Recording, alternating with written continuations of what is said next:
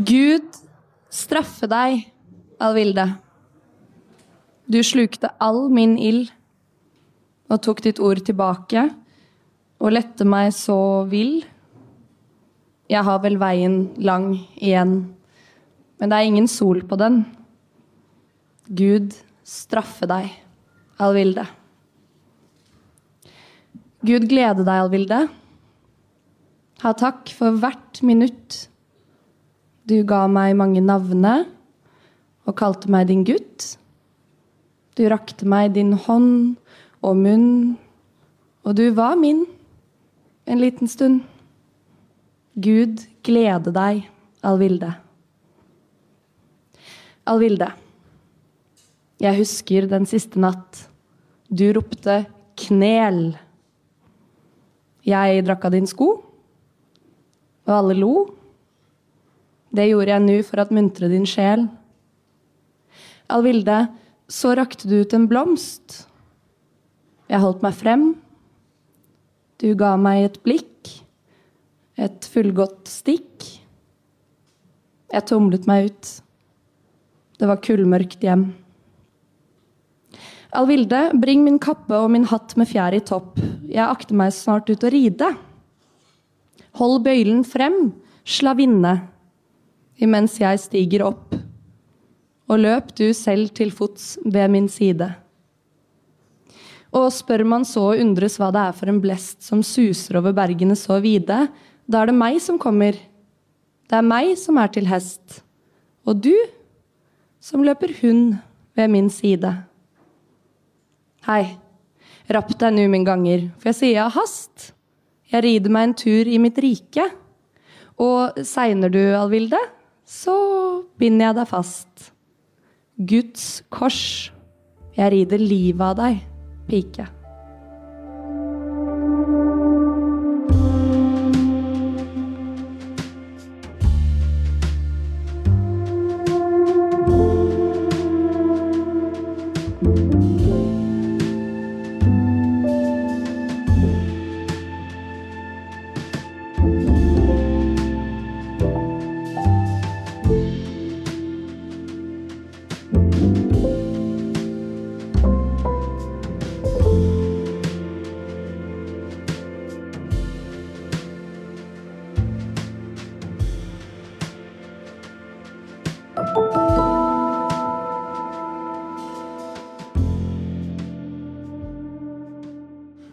Velkommen til eh, lansering av eh, samtidens eh, kjærlighetsnummer. Og de to dere hørte nå, det var Ingrid Giæver og Knut Hamsun. Ingrid Giæver, tusen takk for at du kom hit og leste dikt. Ingrid er skuespiller, kjent fra bl.a. Filmen 'Thelma' og TV-serien 'Hvor er Thea'? Og Knut Hamsun var det kanskje noen av dere som dro kjensel på? vet ikke. Dette var fra Feberdikt. Knut Hamsun, som altså skrev i Samtiden i første årgang 1890, samme år som uh, han også kom med romanen 'Sult'. Christian Kjelstrup heter jeg. Jeg er redaktør i Samtiden. Og hvorfor vier vi uh, et nummer uh, til kjærligheten? Det er det mange grunner til. Nå har vi hatt et koronakrisenummer. Vi har hatt et flyktningkrisenummer, og vi har hatt søren meg også et klimakrisenummer. Og da var det på tide med litt kjærlighet. Og da passet det jo veldig godt da, at Norge har gjenåpnet. Så nå har vi jo mange muligheter i kveld til å fylle dette romantiske lokalet på Månefisken med kjærlighet og gi hverandre noen ekstra varme klemmer. Og så er det ikke bare derfor. Eh, fordi selv om flyktningkrise og koronakrise og klimakrise kanskje i motsetning til kjærlighet eh, dominerer samfunnsdebatten, så er jo kjærligheten et samfunnsanliggende. Det er på en måte limet i, i, uh, i samfunnet. og Derfor har vi kalt uh, samtidens kjærlighetsnummer for, med undertittel 'Viktigst og vanskeligst av alt?' spørsmålstegn.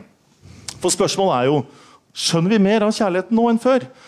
På coveret til uh, Samtiden så har vi et par som ser ut som de er hentet fra en romantikkforside. Uh, og det er lett å trekke på smilebåndet av disse to menneskene. Uh, men igjen, skjønner vi mer av kjærligheten enn før. Det skal vi diskutere i kveld. Og Jeg er så heldig å ha med meg tre svært gode panelister. Uh, veldig glad for at dere er her. Fra venstre, ta godt imot Sissel Gran.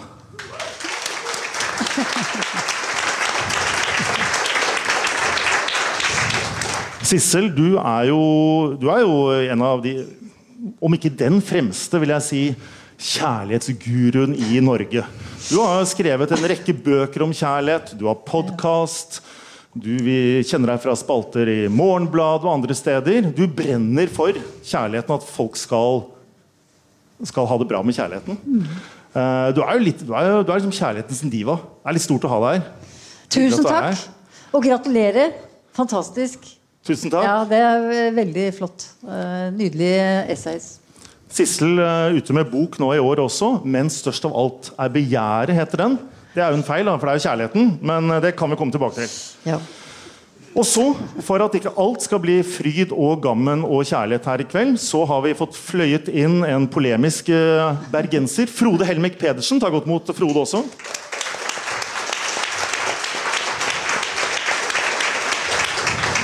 Frode, du er jo til daglig førsteamanuensis i nordisk litteraturvitenskap ved Universitetet i Bergen. Også kåret nå til årets litteraturkritiker. Uh, og du er en mann jeg av og til kontakter hvis jeg vil ha noe kritisk i samtiden. Og denne gangen ba jeg deg uh, nærlese uh, tekstene av ikke bare Sissel Gran, men andre toneangivende parterapeuter, samlivsspaltister og samlivseksperter. Fordi jeg tenker at du med dere har en definisjonsmakt over kjærligheten i vår tid som er verdt å ta på alvor og verdt å nærlese. Og Det har du skrevet om i, i, dette nummeret med en tekst som heter 'Åpenhetspredikantene', Frode. Ja, det, det, er bra det kommer frem at det var din idé. Ja. Og din løsning. En tekst spekket med herlige vil jeg si, spissformuleringer. Uh, den, for eksempel, etter husken uh, Hvem er det egentlig som orker å høre noen sitte og gnåle om sine egne følelser, og i tillegg forvente at andre skal utlevere seg selv om det samme. Akkurat sånn. Frode Helmik Pedersen. Og så da har vi deg her, eh, Monica. Monica Roland er eh, filosof. Du skriver også i Samtiden en tekst som heter eh, 'Kjærlighetsparadokset'. Den skal vi komme tilbake til. Og du er her for å også betrakte kjærligheten fra, fra et filosofisk ståsted. Du har en doktoravhandling bak deg som heter 'What is love?' Hva er kjærlighet? Velkommen til Monica.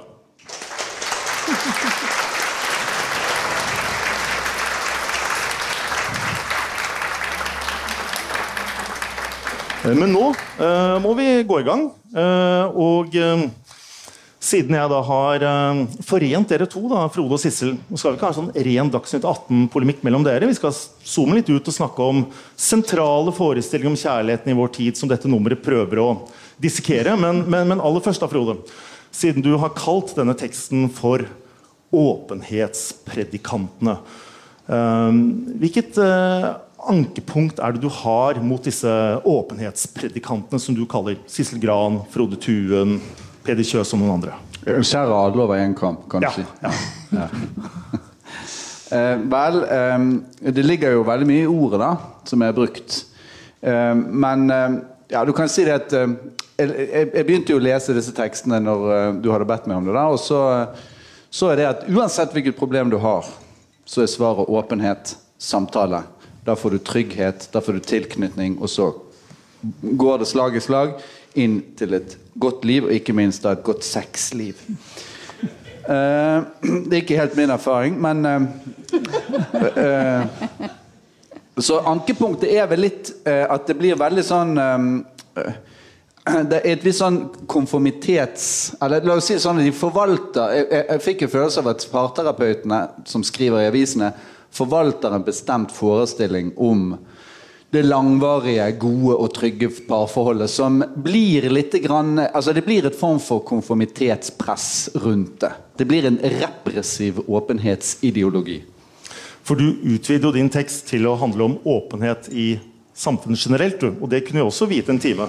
I stedet for så skal vi da prøve å skvise inn mange forestillinger om kjærlighet i, i vår tid. Eh, men vi må da bevege oss litt gjennom disse, den teksten din først. Kjenner du deg igjen i kritikken, eh, Sissel? Ja, absolutt. Eh, ja, Dette er jo helt latterlig å si, men jeg er glad for at du skrev det. For det, er ekstremt irriterende. Eh, det er ekstremt irriterende når du liksom har 4000 tegn til rådighet. Eller først er det innlegget fra innsenderen som da er klemt sammen til en sånn bitte liten sak. ikke sant? Fordi de skriver jo sånn mange av fire ark om hvordan livet i fjæra er der hjemme. Og så må man prøve å ta det viktigste der, og så skal man svare på det på liksom en eh, liten halvside. da. Og det er håpløst. Rett og slett. Og, det, og, så ender vi ofte opp da Katrin Sagen og jeg skriver jo sammen, så vi diskuterer frem og tilbake. Hva skal vi gjøre her, liksom? Frem. Og da er det sånn Nei, ja, du får snakke med mannen din. Er, ja.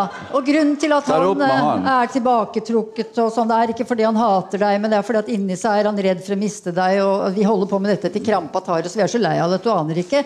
Men hvis vi hadde sagt noe annet Hvis vi hadde sagt Men så hold kjeft, da, og vær moden og, og oppfør deg, og prøv liksom å forstå da at når du har levd sammen med et menneske i 15 år, og nå må du jo i all himmelens navn forstå hvordan vedkommende er skrudd sammen, uten å liksom måtte spørre om det og gnåle om det hele tiden. Men da er vi Det er en ideell eh, fordring. Ikke sant? Det er ikke sånn det er. Vet du hva, for det, det vet ikke du. Men for du har ikke sittet fremoverbøyd i 40 år og snakket med folk, som jeg har. Så jeg har så vondt i ryggen at du aner ikke. Det, det, fordi det, i kjærligheten blir vi fem år. Vi blir fem år! Og du etterlyser modenhet og modne mennesker. Og noe, ja, jeg er helt enig! Ja. ja jeg etterlyser skulle ønske det var sånn. Jeg skulle ønske det var sånn. Ja. Men, men, Frode, du har da nærlest uh, Du har nærlest og virkelig fordypet deg i tekstene til ikke bare Sissel, men som nevnt et par andre toneangivende samlivseksperter i, i, Norge. Hvis du skal da se disse under ett, uh, hva slags kjærlighetssyn er det du finner i tekstene til samlivsekspertene? Ja, det er jo det synet at for det første at sex og kjærlighet er intimt knyttet sammen. Det har man ikke alltid ment. Eh, eh, men det mener man nå. Og så mener mener jeg at det er et ganske klart skal vi si, eh, Man snakker til fordel for monogamien. Det langvarige monogami, det monogame kjærlighetsforholdet. Riktignok så, jo, så, så, skal man liksom være litt sånn frilynt og sånn innimellom. Men der har jeg jo laget en lesning av det, særlig etter Frode Tuens svar som jeg mener er litt sånn passiv-aggressivt. Mot denne innsenderen som gjerne vil ligge med litt forskjellige folk. eh, så, så, det mener jeg er, eh, det er de to tingene særlig. da, altså at eh, Sex og kjærlighet er tett knyttet sammen. At tilknytning kommer ut av dype samtaler. Og at det fører til et godt samliv og et godt sexliv. Dersom, eh, når det gjelder det der med, med de, de, der gode samtalene, så er jeg jo ikke, er jo ikke uenig i det. Sant? Nei da. Jeg er jo ikke uenig i at det er bra å ha gode samtaler. Jeg bare mener at Hvis du skal ha en samtale som handler om hva du føler hele tiden, så blir ikke det noen god samtale. Eh, og Hvis begge skal holde på sånn, så, så fremmer det en eller annen form for oversensitivitet overfor alle slags sånne stemnings- og følelsesskifter hele tiden som ikke, jeg syns er så veldig interessant å snakke om. uh, og, og, som jeg på en måte ikke vil anbefale folk uh, å snakke om hvis de har lyst til å, å ha det fint. Uh, dere kan jo også lese Frodes tekst, og eh, vi vier den et eget arrangement på hjemmebane i Bergen. Der forener jeg eh, Frode og Frode Tuen og skal prøve å bedrive en form for eh, parterapi Nei, mellom, mellom, dere to. Det blir verre. Det blir mye verre. Det blir verre. Men, men, apropos samtalen om kjærlighet, da, Sissel. Du eh, sa til meg da vi snakket litt eh, i forkant av dette arrangementet, så sa du at vi trenger en større samtale om vår tids kjærlighetsprosjekt. Du deltar i den samtalen hele tiden, i kraft av dine bøker, dine ytringer. Hvorfor trenger vi enda mer av den samtalen, mener du? Oh, ja, nei, jeg vet ikke om jeg gjør det egentlig, når jeg tenker meg om.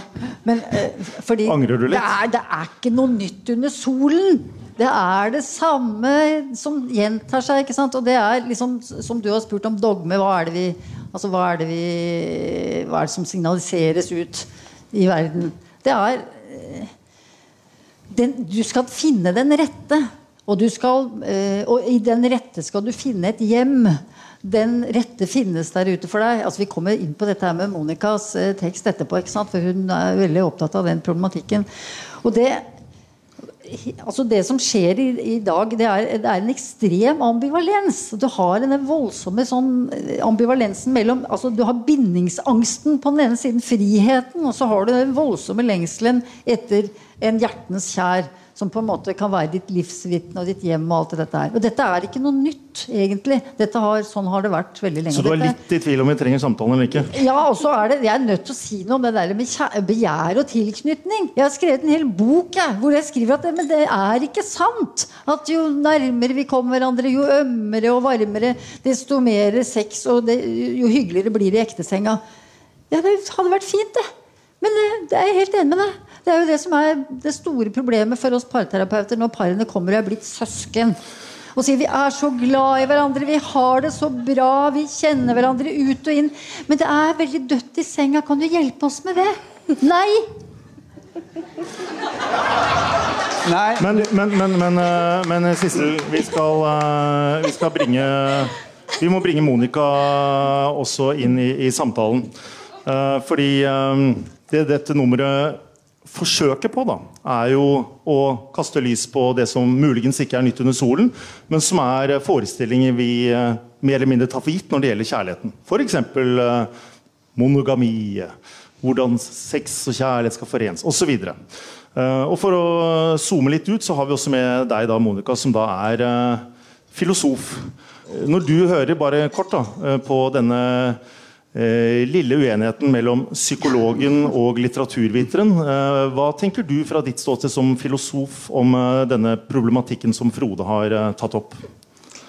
Nei, for det første så ønsker jeg jo på en måte den debatten velkommen. Jeg tenker Det er veldig viktig å sette søkelys på samlivsterapi som både som kommersiell virksomhet, men også som terapi. da.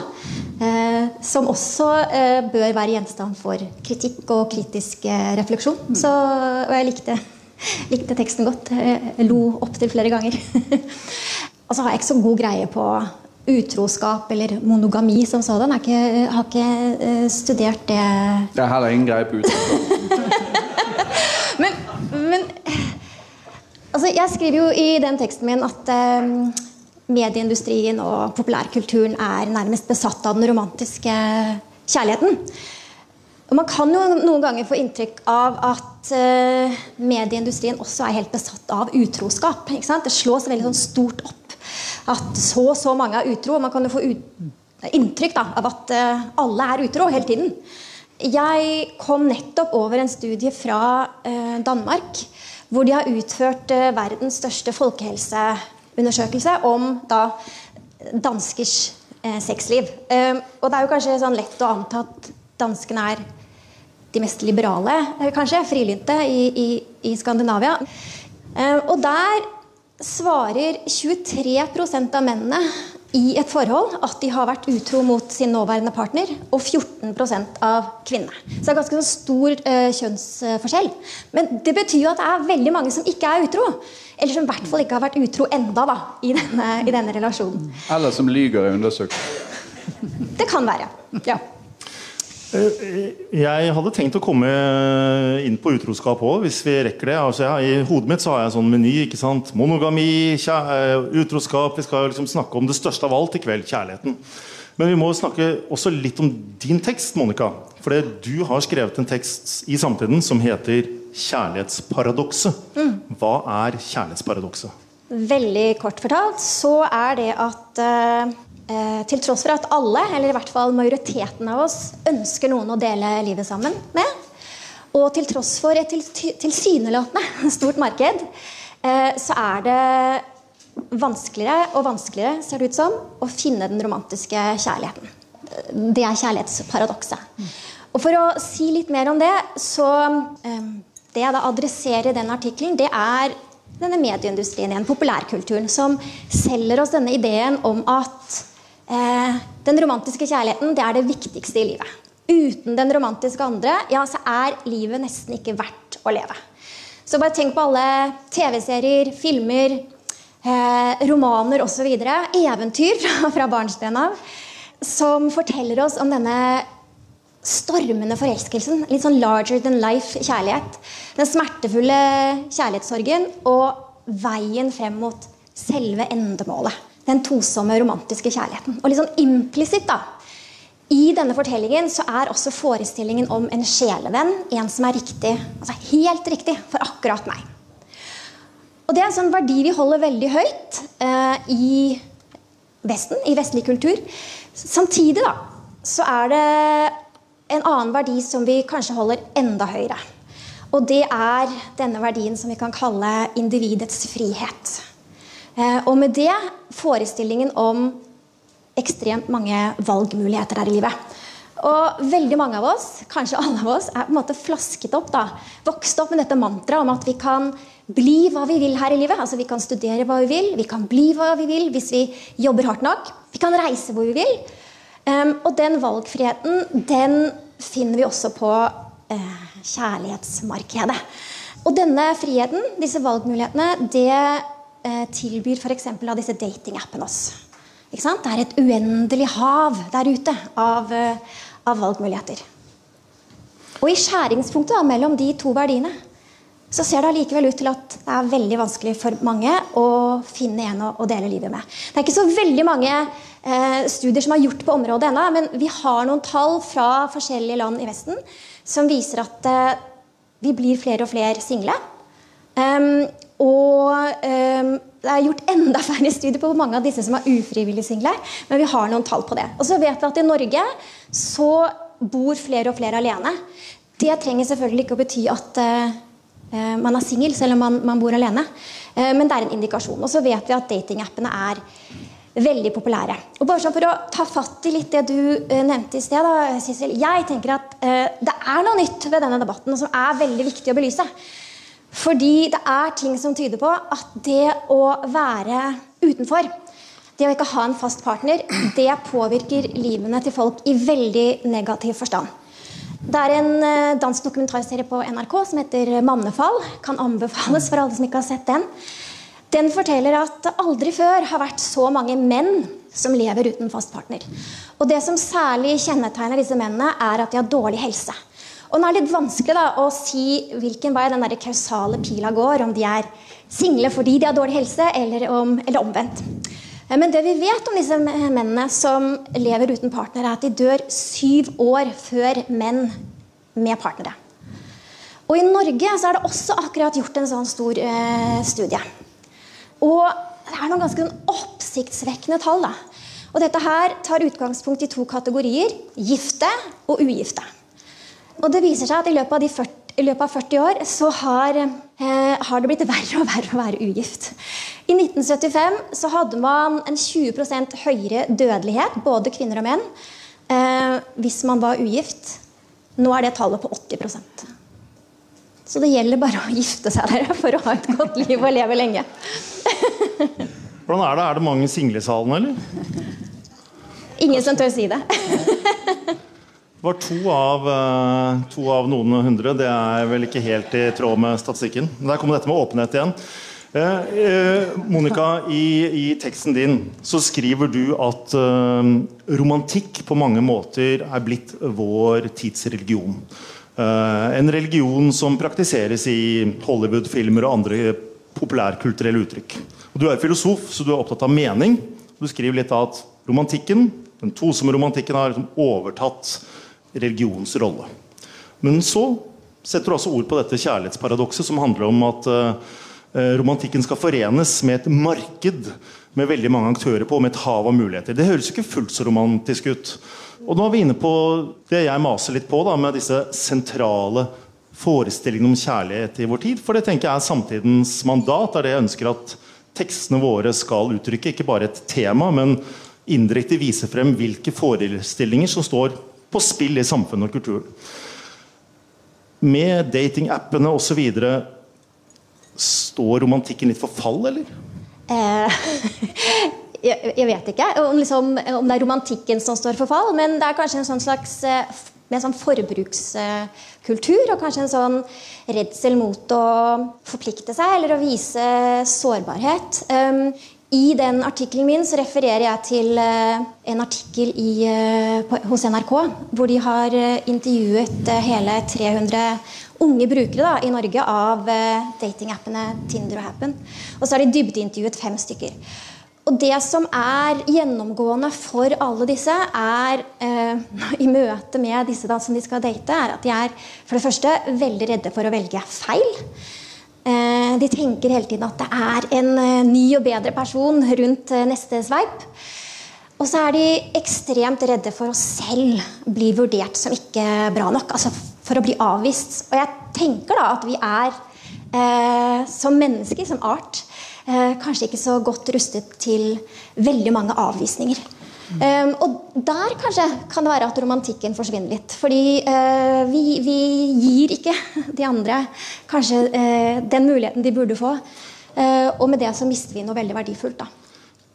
Jeg vil gjerne bruke litt tid på denne romantikken som forestilling. Denne romantikken som angivelig er uttrykt på denne veldig blomstrende forsiden til samtiden. Det er mange som hevder, også i tekstene i samtiden, at romantikken det er en oppfinnelse. Vi har ikke alltid vært romantiske. Det er en vestlig oppfinnelse.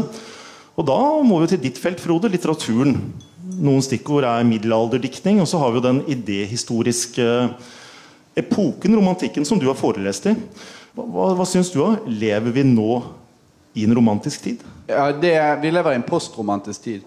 Men ehm, altså det som er, er, å si om den saken For det første, det er ikke sånn Jeg er ikke helt enig med Sissel at det er det samme som alltid. Men det, hvis hun mente alltid så siden liksom 60-tallet Men hvis vi går langt tilbake, så var det ganske annerledes. Disse spørsmålene om kjærlighet. sant? Uh, og uh, de dette, dette, er svar på spørsmålet, ikke sant? Ja, ja. altså Den romantiske kjærligheten fantes ikke i antikken, f.eks. Så det er riktig det at ble, den ble på en måte oppfunnet. Og Grunnen til at den ikke fantes i antikken, det var jo at det var en patriarkalsk kultur. Hvis du leser Aristoteles, så er kvinnen omtrent på nivå med et edelt dyr.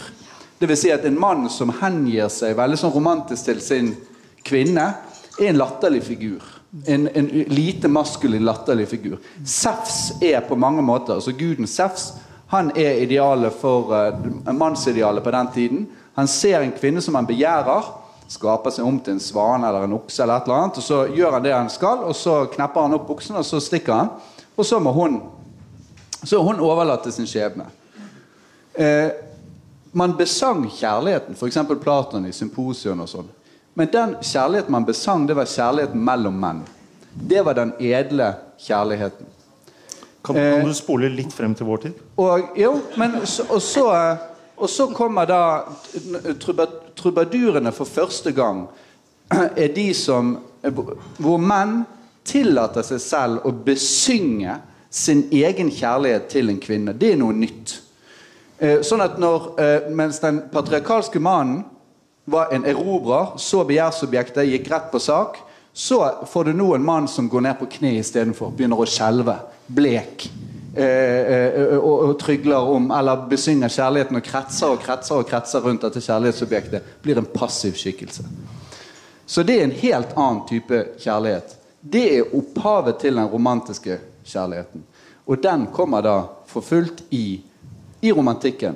Men så, så, akkurat til det essayet da, eh, til Monica, så jeg vil jo si at når, når, du skriver romantisk, så tenker jeg av og til at du burde skrevet monogamt. Det er ikke det jeg mener. F eh, fordi at eh, Det at noe er romantisk, det er f.eks. Ligger det iboende at det er heteroseksuelt? Nei. Jo, det gjør det. Nei. Men jeg tror vi snakker om to forskjellige ting. Altså, Idéhistorisk sett så gjør det det. Altså, ja. vi, vi, snakker om i hvert fall tre forskjellige ting. For det jeg spurte deg om, siden jeg da er redaktør av Samtiden, selv om det er jo svært interessant med alle disse idehistoriske epokene opp igjennom, det er uh, hvordan tenker du det står til med restene av den idéhistoriske epoken? ja, men altså, litt av Poenget er jo at det er imot det der presentismen. Sant? Det at Vi er så enormt selvopptatte på vegne av vår egen kultur og at vi tror at vi har kommet frem til alle løsninger. og sånn. Dermed mener jeg at det er smart å gå tilbake til fortiden og se at ting var faktisk helt forskjellig da. Selvfølgelig er det masse som er mye bedre i dag. Men det er, det er ikke desto mindre interessant å se at det har faktisk ikke alltid vært sånn. F.eks. ideen om det rene monogamiet. Man hadde monogami helt fra Hellas av, det var en juridisk institusjon. Det hadde ingenting med hvorvidt du var tro eller utro å gjøre. Det hadde det egentlig aldri. Selv, selv det protestantiske borgerskapet på 1800-tallet var ingen som falt, falt noen inn der og si det at at, at borgerlige mannen ikke skulle ligge med disse stuepikene og, og, og, og sånn som han holdt på med, det var institusjonalisert dobbeltmoral. Så det er nytt, det der med tanken om det rene monogamiet som også er preget av seksuell eksklusivitet, det er noe nytt, etter mitt syn. i. Før jeg gjorde til Sissel kort replikk, Monica, for det, du skriver også i din tekst at Kort! Ja, kort. kort. Ikke bare replikk, men en kort replikk. eh, For du skriver jo at eh, ikke sant? Kjærlighet er jo ikke bare kultur. Det er Nei, natur det er ikke bare kultur. Men det kommer litt an på hva vi mener når vi snakker om romantisk kjærlighet. Eh, fordi et evolusjonsmessig perspektiv så snakkes det om at den romantiske kjærligheten det er et sånt evolusjonære limet som eh, bringer arten vår fremover. Sånn at eh, par som eh, samarbeider med å oppdra, oppdra felles avkom, de har hatt større suksess med å få barn som vokser opp, sammenlignet med sexpartnere som ikke har gjort det. Og det er på en måte det, si, det eh, biologiske fundamentet da, for den romantiske kjærligheten. Og den er en emosjon, eh, annet, som også gir seg utslag i visse typer atferd, eh, nevropsykologi og utskillelse av hormoner. Og det er en sånn universell egenskap som vi som art har. Og innenfor sosialantropologien så er altså det blitt debanka. det at eh, den romantiske kjærligheten ikke er uh, universell. Men det er noe med uttrykket av den, kanskje og hva vi mener når vi snakker med den, som også er kulturelt eh, betinget. Og bare for å si litt om romantikken eh, i vår tid. Jeg tenker at et sånt bilde da, som vi har av den romantiske kjærligheten, er nettopp at den skal liksom slå oss i bakken. Det skal være så utrolig fantastisk. Veldig sterke følelser. Særlig denne forelskelsen.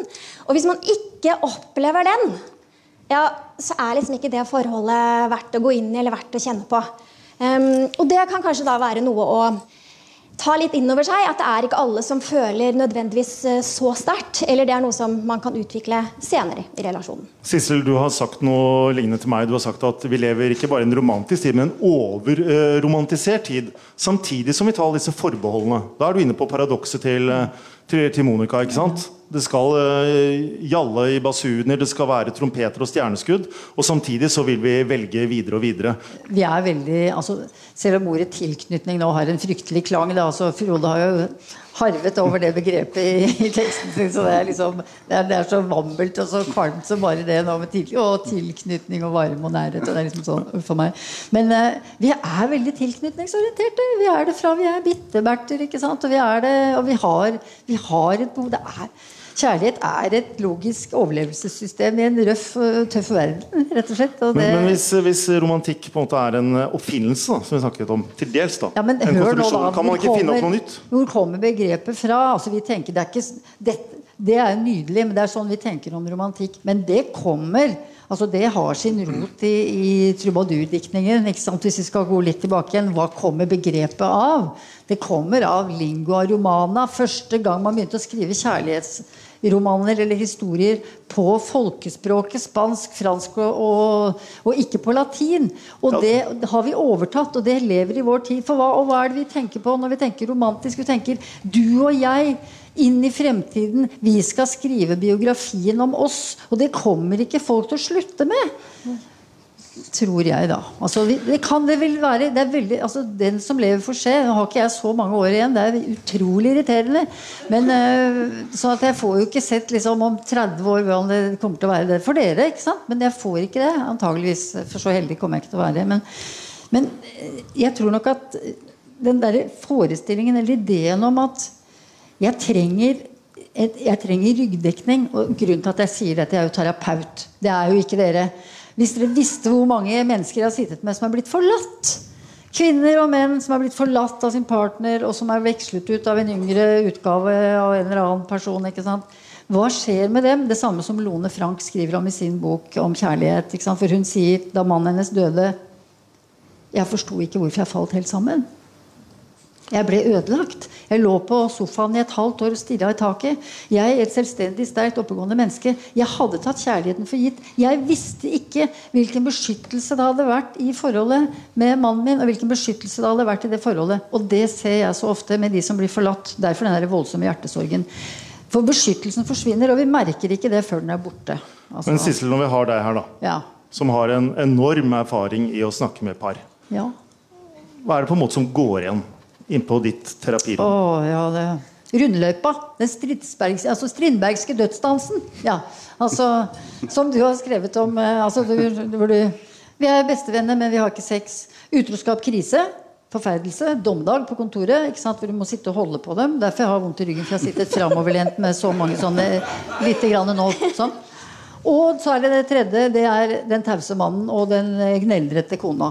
Og hvor du antyder i din tekst at 'jeg holder med henne'. Det gjør jeg jo ikke. Men jeg prøver å desifrere. Jeg prøver rett og slett å få deeskalert den der rundløypa. Og jeg prøver liksom å lytte meg inn i hva er det med den mannen som sitter helt stille og ikke sier noen ting og har liksom driver med stonewalling.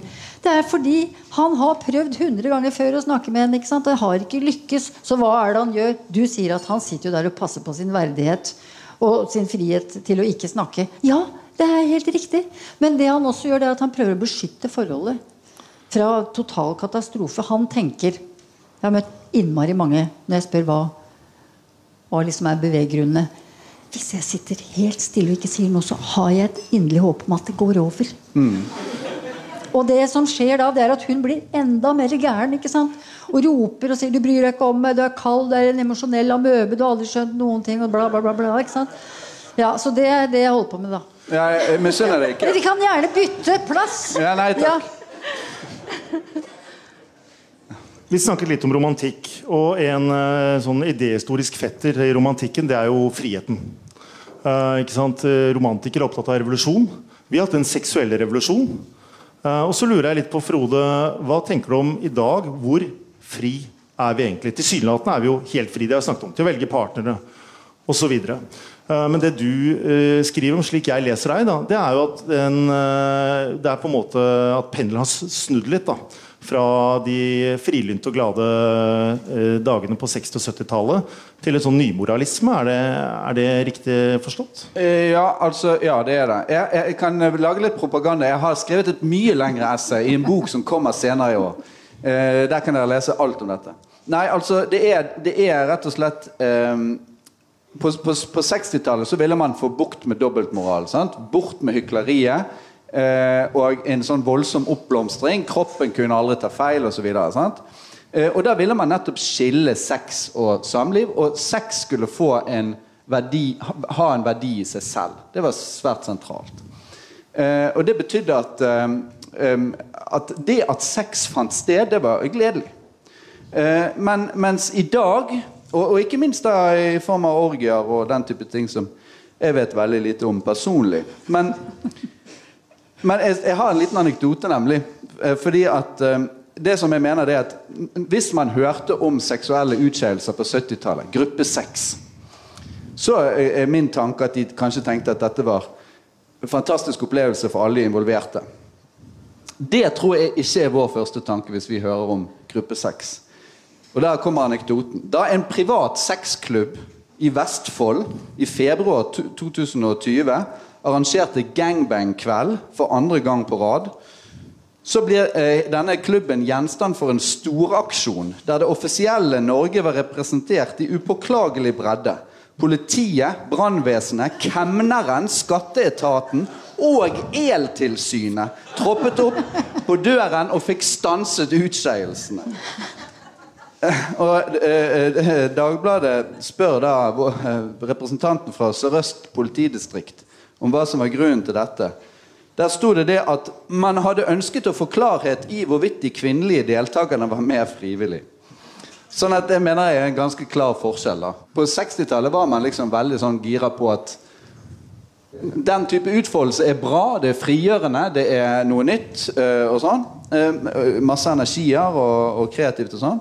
Mens nå tenker vi kanskje først og fremst dette kan skape sår i sj- sjelen. Vi er veldig opptatt av overgrep. Faren for overgrep er noe av det som slår oss aller først når vi hører om unormal sex.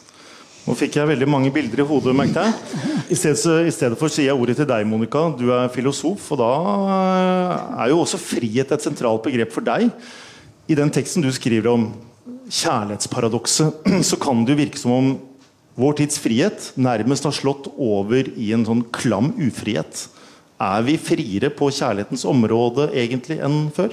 På en måte så kan vi si at vi er friere eh, i dag. Eh, det er jo eh, grupper som tidligere eh, ikke fikk leve ut eh, sin eh, seksuelle eller emosjonelle orientering, i hvert fall åpent. da, ikke sant? Sånn som f.eks. Skeive. Um, og det er det jo mye større aksept for i dag, og det er også jurid, altså ifølge loven faktisk lov. ikke sant? Uh, og mer sosialt akseptert. Um, og så er det sånn for uh, alle av oss, uavhengig av uh, vår legning, at ingen av oss kan tvinges inn i en samlivs... eller en relasjon uten at vi vil det. Uh, og sånn har det jo vært eh, i tidligere tider, i hvert fall i enkelte samfunn, at eh, foreldrene dine eller familien din bestemte hvem du skal gifte deg med. Så på den måten så er det mye større frihet. Men så er det da sånn på den andre siden at mange, mange valgmuligheter er ikke nødvendigvis det samme som ekte frihet. I hvert fall ikke sånn som vi er psykologisk satt sammen. Um, og Det er bl.a. en amerikansk uh, psykolog som, som, snakker om dette det paradox of choice. Noen valgmuligheter er veldig bra for oss, men uh, altfor mange valgmuligheter gjør rett og slett at vi går litt sånn i krøll. Vi stivner, og vi klarer ikke å ta gode valg. Og vi blir deprimerte og, uh, og lei oss. Og ja, det er liksom ikke nødvendigvis det som er det beste for oss. da. I sted så snakket du om utroskap, og så sa jeg at det må vi komme tilbake til. Og så skal vi liksom prøve å, eller Jeg prøver da å putte inn i denne kjærlighetstimen liksom flest mulig sånne underknagger. Men utroskap det er jo som du sa, Sissel, det er et av gjengangertemaene når det kommer par til deg. Og da lurer jeg litt på På den ene siden, da, så har vi flere idealer vi navigerer etter. Det er ekteskapet. Og så skal vi forløse erotikken også og få dette til å gå i hop det er såpass mange som møter utroskap med sosial fordømmelse, for det tror jeg ikke det er tvil om at det er måten utroskap blir møtt på i offentligheten. Samtidig som en veldig god prosentandel av oss angivelig er utro. Da. Eh, indikerer det en kultur som er uenig med seg selv? Ja. Fordi det er, veldig, det er, det er forholdsvis vanlig, men som Monica også sa i stad, det er mange som ikke er det enda. Ikke sant? Men uh, ja, det er en uh, Hva skal vi si Det er et sånn Det er veldig motsetningsfylt. Um, vi forakter det. altså De som aldri har vært i den situasjonen, det har jo jeg sett veldig mange ganger med folk, at de forakter andre som er utro. De, et, de ser ned på mennesker som ikke klarer å holde seg på den smale sti. alt det der. Og så rammes de av det selv. Og da får pipa en helt annen lyd. Det er ganske interessant. Hvordan man da plutselig og hvordan man da plutselig hengir seg til følgende setning Jeg var ikke meg selv. Jeg forstår ikke hva som skjedde. Det var noe fremmed i meg som overtok. Og det er litt sant. Og det er det som er litt nifst. Uh, og det, For veldig mye utroskap er ikke så veldig planlagt. Det bare skjer. Og det jeg tenker om det, det er det som er problemet med monogamiet. da, At det kan bli veldig eh, lite vitalt etter hvert. det er små barn, det er plikt. Og Heidi Bøhagen har et essay i, i, i denne utgaven av tidsskriftet hvor hun skriver at kjærligheten er under angrep. Det er arbeidslinja, det er digitale distraksjoner. Det er veldig mye som går til angrep på parforholdet og familien. Og raserer også selvfølgelig også sexlivet eh, i parforholdet. Fordi det blir bare slit alt sammen. Og det, eh, så det mange gjør når, de, når, vitaliteten forsvinner, og de ikke lenger får det til med partneren, så er det en slags løsning i store gåseøyne for mange.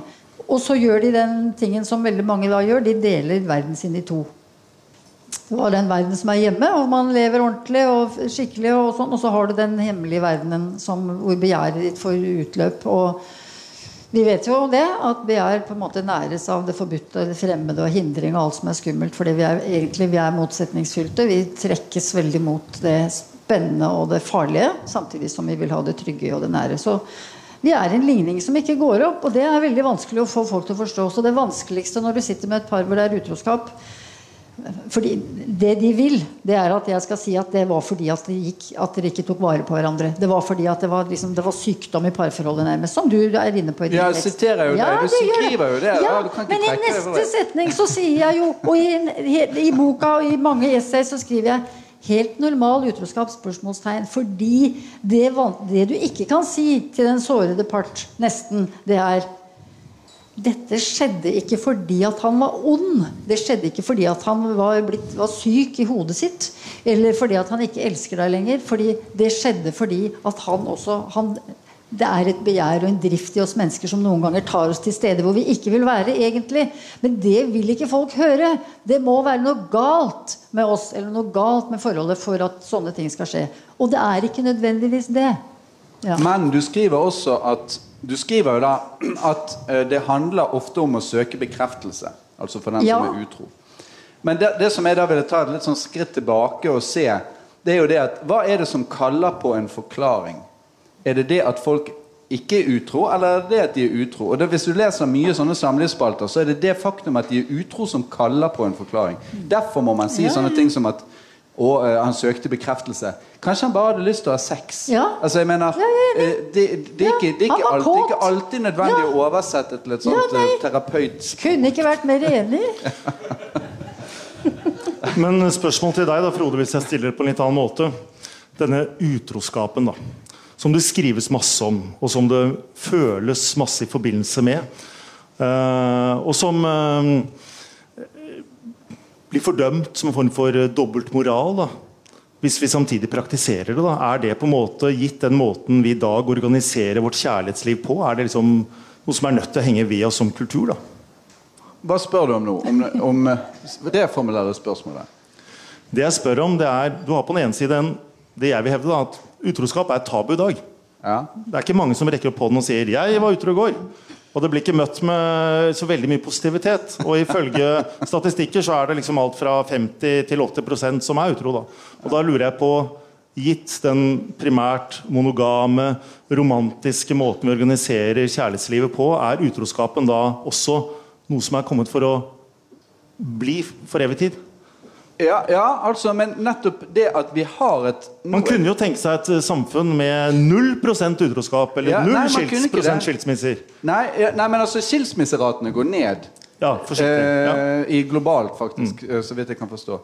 Men, eh, nei, men poenget er jo nettopp at vi har både et behov for trygghet, orden, hverdagsliv og sånn på den ene siden, og så har vi et eh, begjær, eh, og vi har behov for å utfolde det begjæret. De to tingene passer ikke alltid sammen. Det vil aldri passe sammen. Uansett hvor mange parterapitimer man tar, så vil dette skje. Men det som jeg synes er et litt interessant spørsmål som man bør stille seg, det er at hvorfor altså For det første er det ikke gitt at vi skal kalle det utro. På tysk så kaller man det f.eks. fremdgen, altså å gå et fremmed sted. Eh, mens hvis du sier utro, da Hva er det du er utro mot? Det ble jo satt spørsmål ved på 70-tallet. Den der boken som heter 'Open Marriage', som er grunnlaget for det der åpne ekteskap, som av og til fremdeles kommer opp i diskusjonen. Det som de var opptatt av, var jo at man var utro mot partnerens evne til å utvikle seg selv som menneske. Og det var man innenfor monogame, tro forhold. Man kontrollerte partneren, man var ute etter hele tiden å sørge for at ingenting galt skulle skje. Og dermed så ble begge forkrøplet så å si sjelelig. Sånn at eh, Det som de var opptatt av, var ikke at vi skal opprettholde seksuell eksklusivitet for enhver pris, men at vi skal legge til rette for at begge individene i et forhold kan få utfolde seg.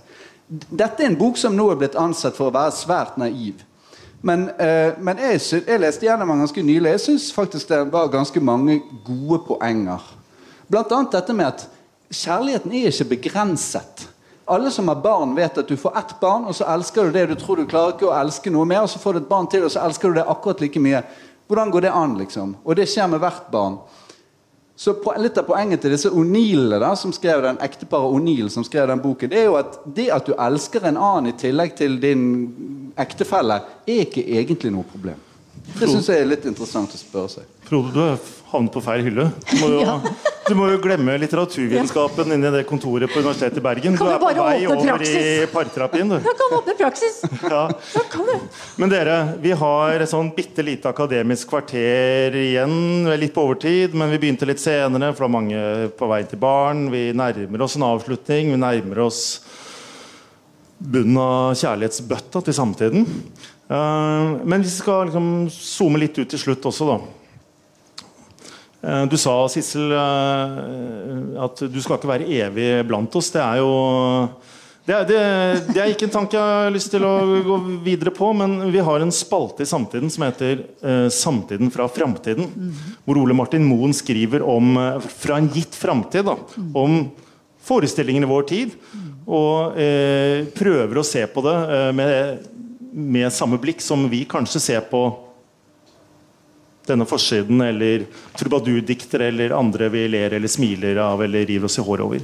Hvis vi liksom gjør et eksperiment da, og spoler fram noen tiår, eller hva vet jeg Tror dere at noen vesentlige måter å organisere vårt kjærlighetsliv på vil være forandret?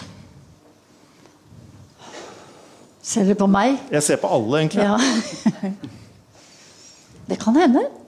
Jeg tror en ting. Tror de kommer til å si det sånn Holdt de på sånn? Var Nei, gift? hva, jeg tror en ting som kommer til å skje, og som allerede skjer, det er at veldig mange kommer til å verdsette vennskap mer.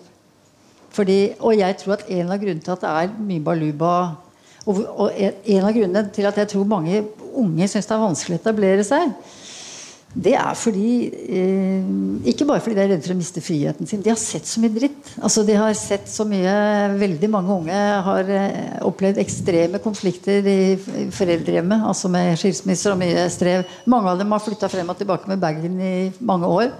Veldig mange av dem sier til meg ehm, Jeg vet ikke om jeg tør å gå inn i noe, for det, ingenting varer allikevel. Så, og det, så jeg lurer på og så mange De søker til vennskapet, og jeg lurer på om vi kan få tilbake det romantiske vennskapet som var veldig til stede før, hvor man skrev vakre brev til sin elskede venn. Som ikke var en kjæreste, men som var en elsket venn. Det kan hende at, at vennskapet vil eh, overta kanskje noe av eh, Overta noe av eh, det romantiske kjærlighetsforholdet. Hvem vet? Hva tenker du, Monica? Blir det nye samlivsformer og nye arenaer å Kan dyrke godt. kjærligheten på? Ja, altså, eh, selvfølgelig. Jeg er helt enig med deg. Dyrke nære vennskap. Det er jo veldig bra. Eh, Men eh, Og det kan godt være at vi blir si, enda mer liberale og får et mer mangfold i måter å leve sammen på i fremtiden. Men jeg tenker at igjen, denne lengselen etter og behovet for en romantisk partner eller flere å dele livet med, det ligger så tungt i oss rent biologisk. Det er sånn vi er evolvert frem. Og kulturen vår, eller de menneskene vi er nå, eh, i denne kulturen, har ikke, altså vi har ikke forandret oss biologisk sett. Så jeg tenker at vi kommer fremdeles om eh, 10 år, 30 år, 100 år til å ha de samme lengslene etter noen å dele livet med. Du, du skriver noe sånn som at kanskje uh, dette nære vennskapet overtar, og så kan heller sex være noe som skjer på siden, og så kan liksom vennskapet være det som styrer er grunnmuren i tilværelsen. Jeg har forstått det rett på Eh, slutten? ja, jeg men det jeg prøver å si er at jeg tror at lengselen, behovet, eh, etter denne eh, partneren å dele livet med, den kommer til å være der. Det er ikke sikkert at vi kommer til å få det til. Og da må vi også ha en slags plan B.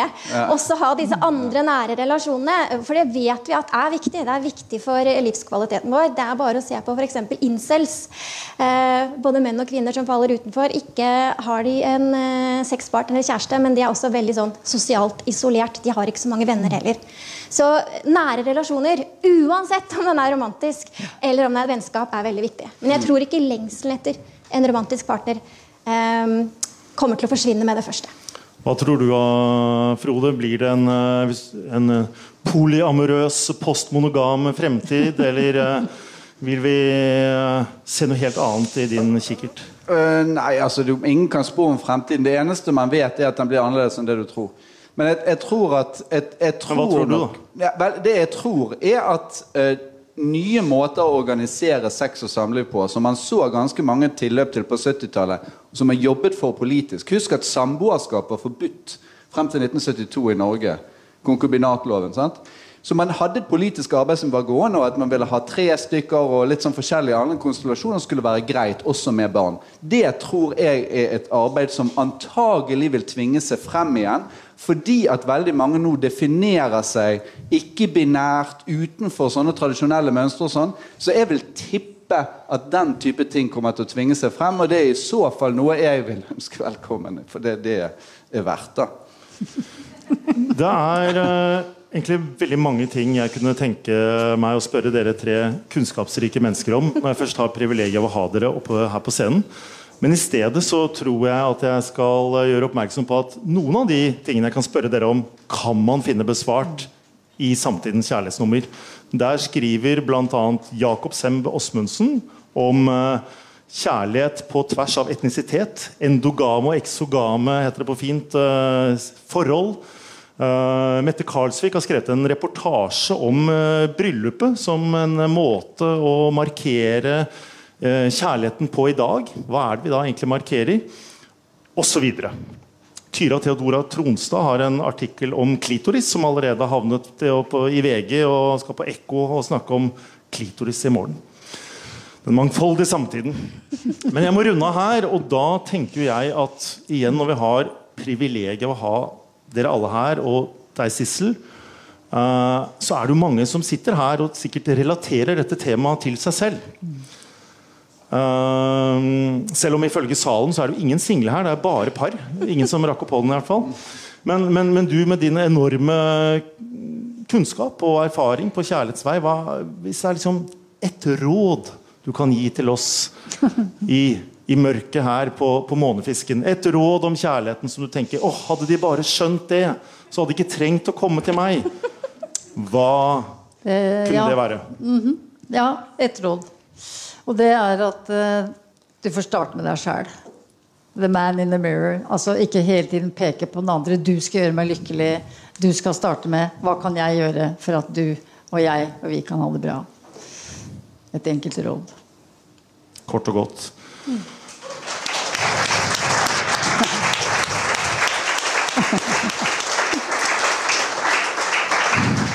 Og så, så, stiller jeg det samme spørsmålet til deg, Frode. Du skriver avslutningsvis i, i, i eh, siste kapittel i din tekst har tittelen 'Avsluttende uvitenskapelig etterskrift'. Der skriver du Terapeuten har vent seg til å snakke til oss som om de var våre foreldre. Det betyr imidlertid ikke at vi er tjent med å gå gjennom livet som om vi var barn. Uh, og da er jo spørsmålet da, uh, Hvis vi ikke skal gå til terapeutene, da, hva er ditt råd? Vær voksen, vær voksen. Godta at livet er ikke noen dans på roser. Du vil ha masse sorg og elendighet. Prøv å, prøv å ta det med godt humør og en viss eksistensiell besluttsomhet. Og ikke gå i parterapi.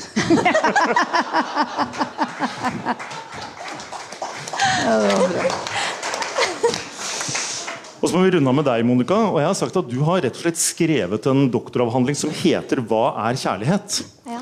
Intet mindre. Og der prøver du faktisk å formulere en teori om hva kjærlighet er. Så Kanskje det skal være siste spørsmål da, fra scenen her på Månefisken. da. Hva tenker du vi må forstå om hva kjærlighet er? Wow. Du tenker nå at jeg skal komme en one-liner fra avhandlingen min? Jeg vet ja. av erfaring at å spørre folk som har skrevet en doktoravhandling om å si noe kort, da sier de alltid nå reduserer du avhandlingen. Ja. Og det er akkurat da, det jeg spør deg om. Ja, nettopp. Nei, men eh, ok, Da kan vi jo avslutte litt med det som jo gjør eh, kjærlighet litt sånn vanskelig. Og veldig kompleks og spennende. Fordi på den ene siden, Når vi snakker om hva er kjærlighet, så prøver vi å beskrive dette fenomenet sånn som det er i verden. På den andre siden så er våre oppfatninger om kjærlighet gjennomsyret av sånn normativitet og våre idealer for hvordan kjærligheten skal være. Blant annet da kanskje at vi skal være de beste versjonene av oss selv i denne relasjonen og bli sett på liksom, den riktige måten. da. Eh, men min hovedtese i denne avhandlingen er at kjærlighet er en moralsk emosjon man kan ikke elske noen uten også å respektere dem.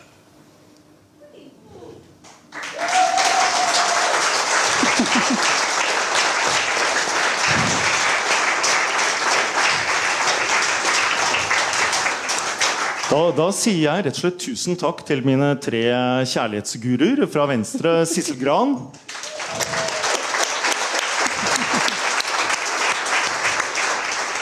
Frode Helmik Pedersen. Og deg, Monica Roland. Tusen takk.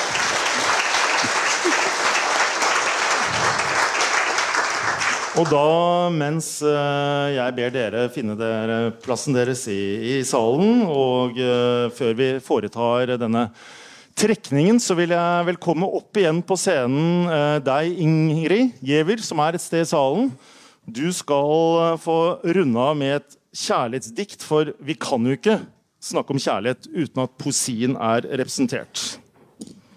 Og det Ingrid skal eh, lese for oss, det er et dikt av en tidligere Samtiden-redaktør. Nei, ikke Knut Olav Åmås eller Katrine Sandnes. Ikke av meg, men av Haldis Moren Vesaas. Kjære. Alt ditt som du viser meg nå, så utenkt som mangt av det er, kan det vel hende jeg ikke forsto om du ikke var meg så kjær. Jeg stansa vel uviss, uten svar, som framfor et ukjent land. Om ikke min kjærleik til deg var, for meg, som ei lykt i mi hand. Den lyser meg fram, så jeg kan gå inn og gjøre meg kjent i hver krok.